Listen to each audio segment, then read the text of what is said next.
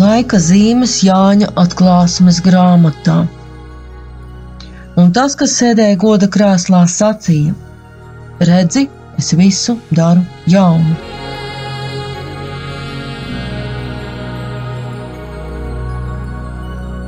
Šodien runājam par septiņu redzējumu cikla septīto zīmi, kas atklāja dieva tiesu, par cilvēka dēlu un trīs ražas eņģeļiem, par ko lasām atklāsmes grāmatas 14. nodaļā no 14. līdz 20. pantam. Cilvēka dēls jau ir godībā, un viņa padotie eņģeļi gatavi pļaujai. Es dzirdēju balsi no debesīm sakām: Raksti, svētīgi mirušie, kas mirst iekš tā kunga no šā brīža. Tiešām, saka gars, lai tie atdusas no savām pūlēm, jo viņu darbi tos pavada.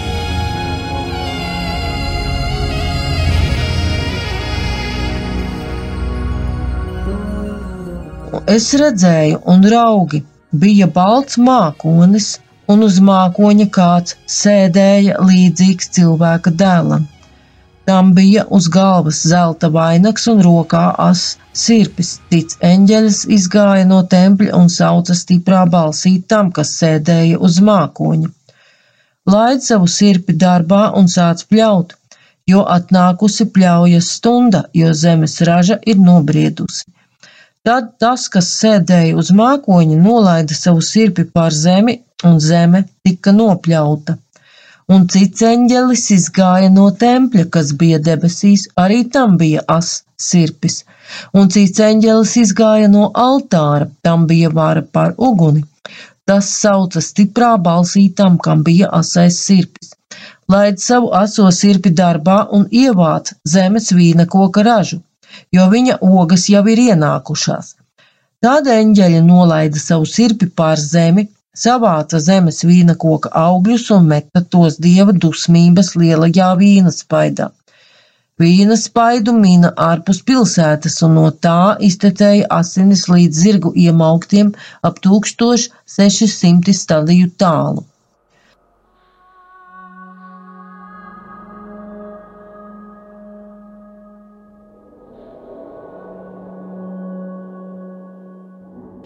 Pirms cilvēka dēla un trīs ražas eņģeļu apraksta ir īsā piezīme par svētīgiem mirušajiem, kas mirst kungā. Arī šis pants, līdzīgi kā 144 tūkstoši pirmie atpirktie, kas atrodas ar jēru uz Ciānas kalna, saistās ar nobriedušo zemes ražu. Tie ir jau kunga klētī un varam atcerēties vārda mirt divkāršo nozīmi. Te gan vairāk saprotam fiziski nomirušos, iespējams mocekļus vai cilvēkus, kas palikuši uzticīgi Kristum. Viņu darbi tos pavada, tas norāda uz tiesu. Kā atklāsmes grāmatā 20. nodaļā 12. 13. pantā ir pateikts. Es redzēju mirušos, lielos un mazos, stāvam goda krēsla priekšā, un grāmatas tika atvērtas. Tika atvērta vēl cita grāmata, tā ir dzīvības grāmata. Mirušie tika tiesāti pēc tā, kas rakstīts grāmatās, pēc viņu darbiem. Jūra atdeva savus mirušos, nāve un viņas valstība atdeva savus mirušos, un tie tika tiesāti, ik viens pēc viņa darbiem. Tātad mirušie tiek tiesāti pēc viņu darbiem. Savukārt, to, kādi ir šie darbi, nosaka piederība Kristum, vai puķim, kā zīmogu cilvēks nes. Un, lai die, darbi būtu dievā darīti, cilvēkam vispirms jānomirst pasaulē. Arī sev, kā kriviešu graudam, lai nestu daudz augļu. Kristus Jāņa evaņģēlijā 12. nodaļā no 24. līdz 25. pantam saka: Patiesi, patiesi es jums saku, ja kviešu grauds nekrīt zemē un nemirst, viņš paliek viens, bet ja viņš mirst, viņš nes daudz augļu. Kas savu dzīvību tur mīļu, tam tā zūd, bet kas savu dzīvību šī pasaulē ienīst, tas to paglabās mūžīgai dzīvībai. Dāņu filozofs un teologs Sērens Kirkegors to sauc par pašatteikšanās kustību. Cilvēks nomirstot sev, pasaulē iegūst visu, arī spēju apliecināt Kristu ar dzīvību. Septītā zīme rāda pļaujas kungu. Viņš sēž uz balta mākoņa kā uz troņa, un nezinot mākoņa, kā arī tā krāsas simboliku, aina šķiet kā no pasaku grāmatas, bet simboli, mākonis, kā arī apzīmējumi kāds, cilvēka dēls nāk no vecās derības. Ar vārdu kāds bieži tiek apzīmēts pats dievs, jo jūdi bijās viņa vārdu izrunāt. Tas tika izrunāts tikai reizi gadā, kad augstais priesteris to izsacīja tempļa vissvētākajā vietā. Daniela grāmatā 7. nodaļā 13. 14. pantā lasām. Kamēr es vēroju nakts parādības redzi, kā debesu padebešos nāca kāds kā cilvēka dēls savā izskatā. Tas pienāca pie cieniņamā sirmgalvja un to nostatīja sirmgalvja priekšā. Viņam tad tika piešķirta vara, godība un valdīšana, tā ka viņam pakļāvās visas tautas, tautības un valodas. Viņa vara ir mūžīga, viņa ķēniņa valsti neviens nekad nevar iznīcināt.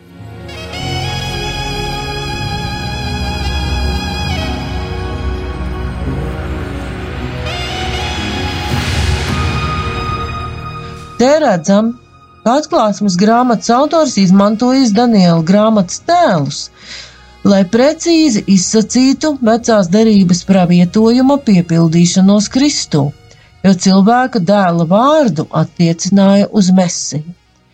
Baltais mākonis norāda uz dieva godības klātbūtni, un vecajā derībā to redzam nereizi vien. Izceļošanas grāmatā lasām. Tad mākonis apklāja sajiešanas telti, un tā kunga godība piepildīja mājokli. Un Mūzus nevarēja ieiet sajiešanas teltī, tāpēc, ka mākonis to apsedza, un tā kunga godība piepildīja mājokli. Izceļošanas grāmata 40. nodaļa 34. 35. pants. Jaunajā derībā Mateja evaņģēlijā šī godības zīme parādās saistībā ar Kristu apskaidrošanas notikumā. Tam vēl runājot, redzi, spoža padebes tos apēnoja, un redzi, balss no padebes sacīja: Šis ir mans mīļais dēls, pie kura man labs prāts. To jums būs klausīt. Matejs 17.5. Tā Kristus ar šiem simboliem atklāts kā jaunais templis, jo sajiešanas telts bija tempļa pirmtēls. Atklāsmes grāmatā aprakstītajā zīmē uz pļaujas kunga galvas ir varas un uzvaras zīme vainags. Vainags vairāk norāda uz uzvarētāju, ķēniņa aspektu vairāk atklātu vārds kronis. Tātad pļauju uzsāks uzvarētājs, kas uzvarējis nāvi un pūķi ar iemiesošanos, nāvi un augšām celšanos. Pats Kristus. Vēlāk atklāsmes grāmata viņu jau rādīs kā uzvarētāju un ķēniņu. Es redzēju debesis atvērtas un raugi. Balts zirgs un kas sēd uz viņa, tā vārds uzticīgais un patiesais, un viņš tiesā un karo taisnīgi. Viņa acis ir ugunsliesma un galvā tam daudzi ķēniņa kroņi. Vārdu, kas tam uzrakstīts, neviens nepazīst, kā vien viņš pats. Atklāsmes grāmata 19. nodaļa, 11. 12. pants. Kas tā ir par pļauju?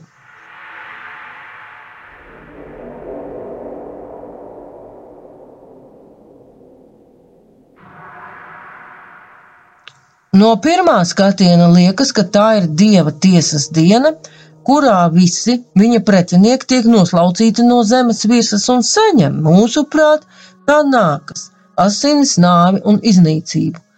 Taču Bībeles pētnieks Nikolas Raits runā par priecīgu notikumu, liels vētrains prieks par ražu.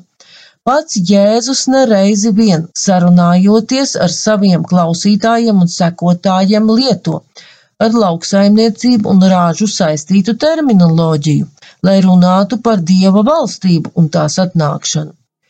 Jau minētais kviešu grauds, sējēja, sējā, sētā sēkla un Jāņa tekstā apakalipsē pat visai precīzi atkārtoti Mateja evaņģēlijā redzamie tēli. 14. nodaļā no 36. līdz 42. pantam Jēzus saka, un viņš atbildēja un uz tiem sacīja, tas, kas sēja labo sēklu, ir cilvēka dēls, bet tīrums ir pasaule, un labā sēkla ir valstības bērni, un nezāle ir ļaunā bērni, ienaidnieks, kas to sēģis, ir velns, un pļaujamais laiks ir pasaules gals, un pļāvēji ir eņģeļi. Tad nu tā, tā nezāli salasa un ugunī sadedzina, tā arī notiks pasaules pastarā galā. Cilvēka dēls izsūtīs savus eņģeļus, un tie salasīs no viņa valstības visas apgrēcības un tos, kas dara netaisnību, un tos metīs degošā ceplī. Tur būs raudāšana un zobu trīcēšana. Iepriekšējās nodaļās redzam, ka dieva tauta neklanās zvērā.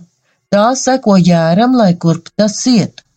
Un 15. nodaļā, kas seko šai septītajai zīmē, ir redzama aina, kas liek domāt par cilvēkiem, kuri ir dieva raža viņa klētī. Atklāsums grāmata 15.2. Un es redzēju tādu kā kristāla jūru sajauktu ar uguni. Tie, kas bija uzvaru guvuši par zvēru, viņa tēlu un viņa vārda skaitli, stāvēja pie kristāla jūras ar dieva cītarām rokās. Taču te saprotam, ka glābšana nāk caur ciešanām, Par divējāda veida ražu, labību un vīnu un tiesu runā arī pravietis Joēls vecajā derībā, 4. nodaļā, 12. 13. pantā. Tad tautas saposīsies ceļā un nonāks Jošafata ielajā. Tur tad es nosēdīšos arī pats, lai tiesātu visas, itin visas apkārtējās tautas. Laidiet darbā sirpjus, jo labība ir ienākusies, Nāciet šurp, jo vīnogu spaidi ir pilni un sulas tvertnes plūst pāri, jo daudz ir viņu ļauno darbu.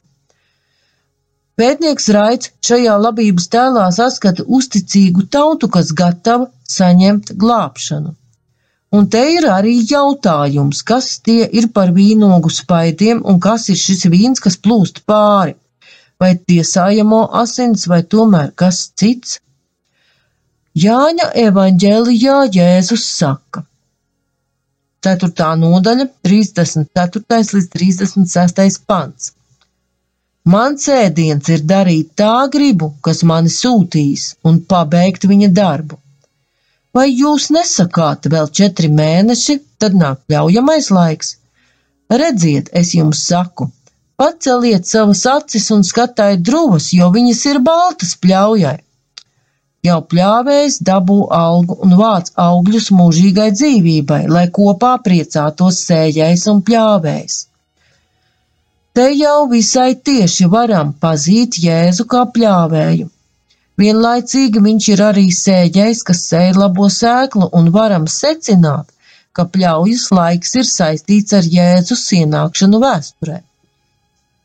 Tēvs redz, kad druvas gatavas pļaujai, cilvēce ir gatava uzņemt labo vēstu un iet uz eskatoloģisko vēstures noslēgumu. Moceklība un vajāšanas, kas seko kunga mācības izplatībai, kā pasaules valstības atbilde, nav tikai bezdievīgu režīmu nejēdzīgas un necilvēciskas represijas. Jēzus izmanto cilvēku ļaunumu kā ražas ievākšanas līdzekli. Apustuļa Pāvila teiktais ļauj to saprast labāk. Cilvēces ļaunums darbojas kā šķīstoša un pārbaudoša uguns. Pirmajā vēstulē korintiešiem trešajā nodaļā 13. 15. pantā Pāvils raksta. Katra darbs tiks redzams, tiesas diena to atklās, jo tā parādīsies ar uguni, un kāds, kura darbs ir to uguns pārbaudīs – Ja kāda darbs, ko tas uzcēlis, paliks, tas dabūs algu. Ja kāda darbs sadegs, tam būs jācieš, bet viņš pats tiks izglābts, bet tā kā caur uguni. Pāvila teiktajā vēl ir norāde uz Dievu bezgalīgo žēlsirdību šķīstīt tavas uguni, lai izglābtu arī to, kura darbs nav bijis labs, ja vien viņš pats nav brīvprātīgi un pie pilnas sajēgas pilnībā atteicies no Dieva. Taču paliek jautājums par vīna koku.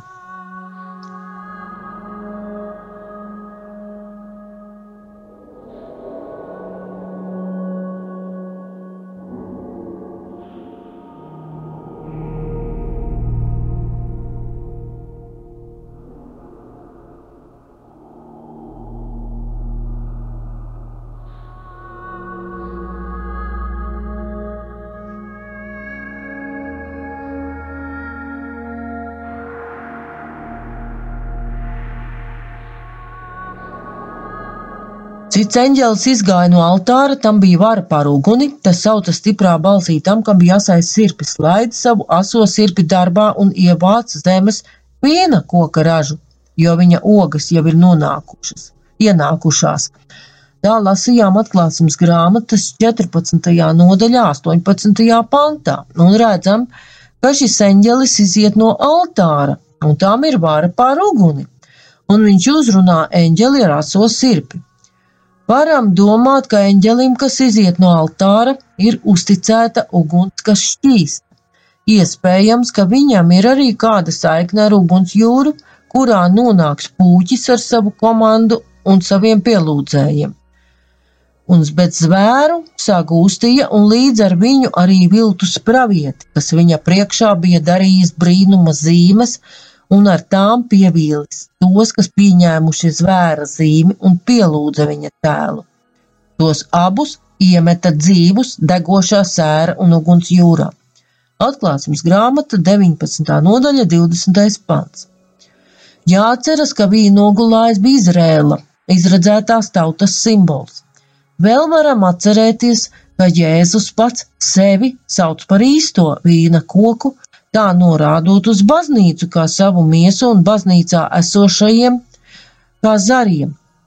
Jāņa evaņģēlijā 15. nodaļā 5.6. pantā viņš saka: Es esmu vīna koks, jūs tie zari, kas manī paliek un es viņā, tas nes daudz augļu, jo bez manis jūs nenieka nespējat darīt.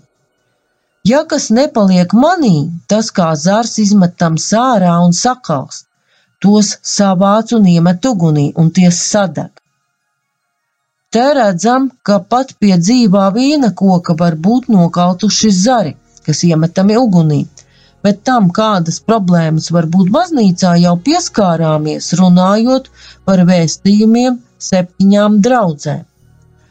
Varam tiesu ar vīna koka augļiem un to iemešanu dieva lielajā vīna spaidā skatīt divējādi.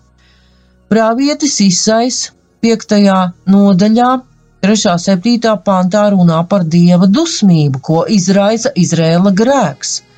Un viņš saka, Nu, jūs, Jeruzalemes iedzīvotāji, un jūs, jūdas vīri, spriediet tiesu starp mani un manu vīnu dārzu. Ko, kas tad man vēl bija ko darīt savā vīna dārzā, ko es nebūtu darījis? Kāpēc gan es gaidīju, ka tas nesīs labus augļus, bet tas atnesa negaršīgas vīnogas? Es jums teikšu, ko es darīšu ar savu vīna dārzu. Es nojaukšu tā sēta, lai to nogana. Es noārdīšu tā mūri, lai to samin un izmīda. Es to aizlaidīšu postā, to vairs neapgraizīs un neapraks tā ka tur augs ērkšķi un daļi. Es pavēlēšu mākoņiem, lai tam lietu vairs nedod. Tā kunga cebauta vīna dārs ir Izrēla nams, un jūdas vīri ir stādi, kam pieder viņa sirds. Viņš sagaida taisnu tiesu, bet redzi, izlai asinis. Taisnīgumu, bet redzi, atskana vaimanas. Bet septītās zīmes tekstā redzam arī to, ka vīna spaidu min ārpus pilsētas. Un te jāatceras, ka pats Jēzus tika sists krustā ārpus pilsētas. Ārpus pilsētas mīra arī pirmoceklis Stefans. Tātad vīna spaids varētu būt saistīts ar viņu izlietajām asinīm. Līdz ar to varam saprast, ka dieva dusmu un glābšanas ceļi savienojas uz krusta, kas turpina notikt baznīcā caur dieva apliecinātājiem mocekļiem.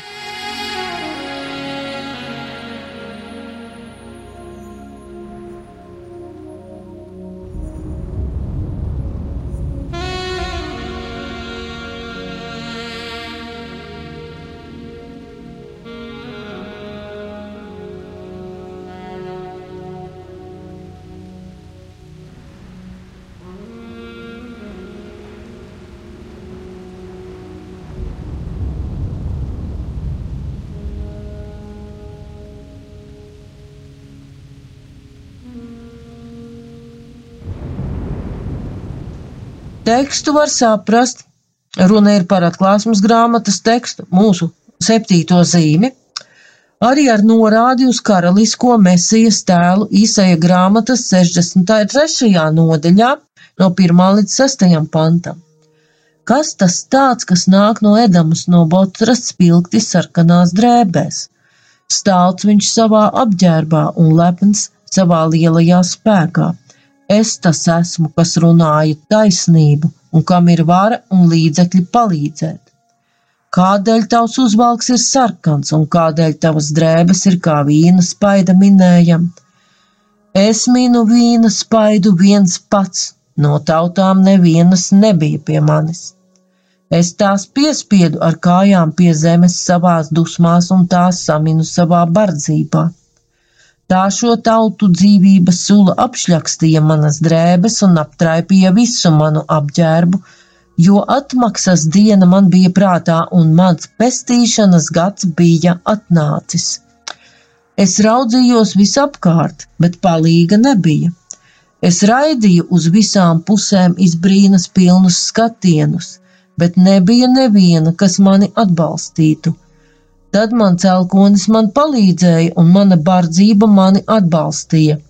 Es saminu tautas savās dusmās, un savā bardzībā tās samalu un to dzīvības sulai liku iztecēt zemē. Izsaiste runā par kādu, kas viens pats min vīna spaidu, un atcerēsimies Kristus pilnīgo atstātību pie krusta. Izsais jēdzienu atmaksas diena ir saistījis ar pestīšanas gadu. Līdz ar to var nojaust, ka pravietis jau runā par Kristu. Pētnieks Raits secina, ka šis vīna spaids gatavo tiesu Babilonai un zvēriem ar puķi, un pats vīns ir mocekļu asinis. Raits runā par atklāsmes grāmatas tekstu. Savukārt iztecējušās asinis izraisa asociāciju ar pravieša Ecihēla teikto, kurš redzīs plūstam no tempļa dzīvības ūdeni. 47. nodaļa, 1 līdz 4 pants.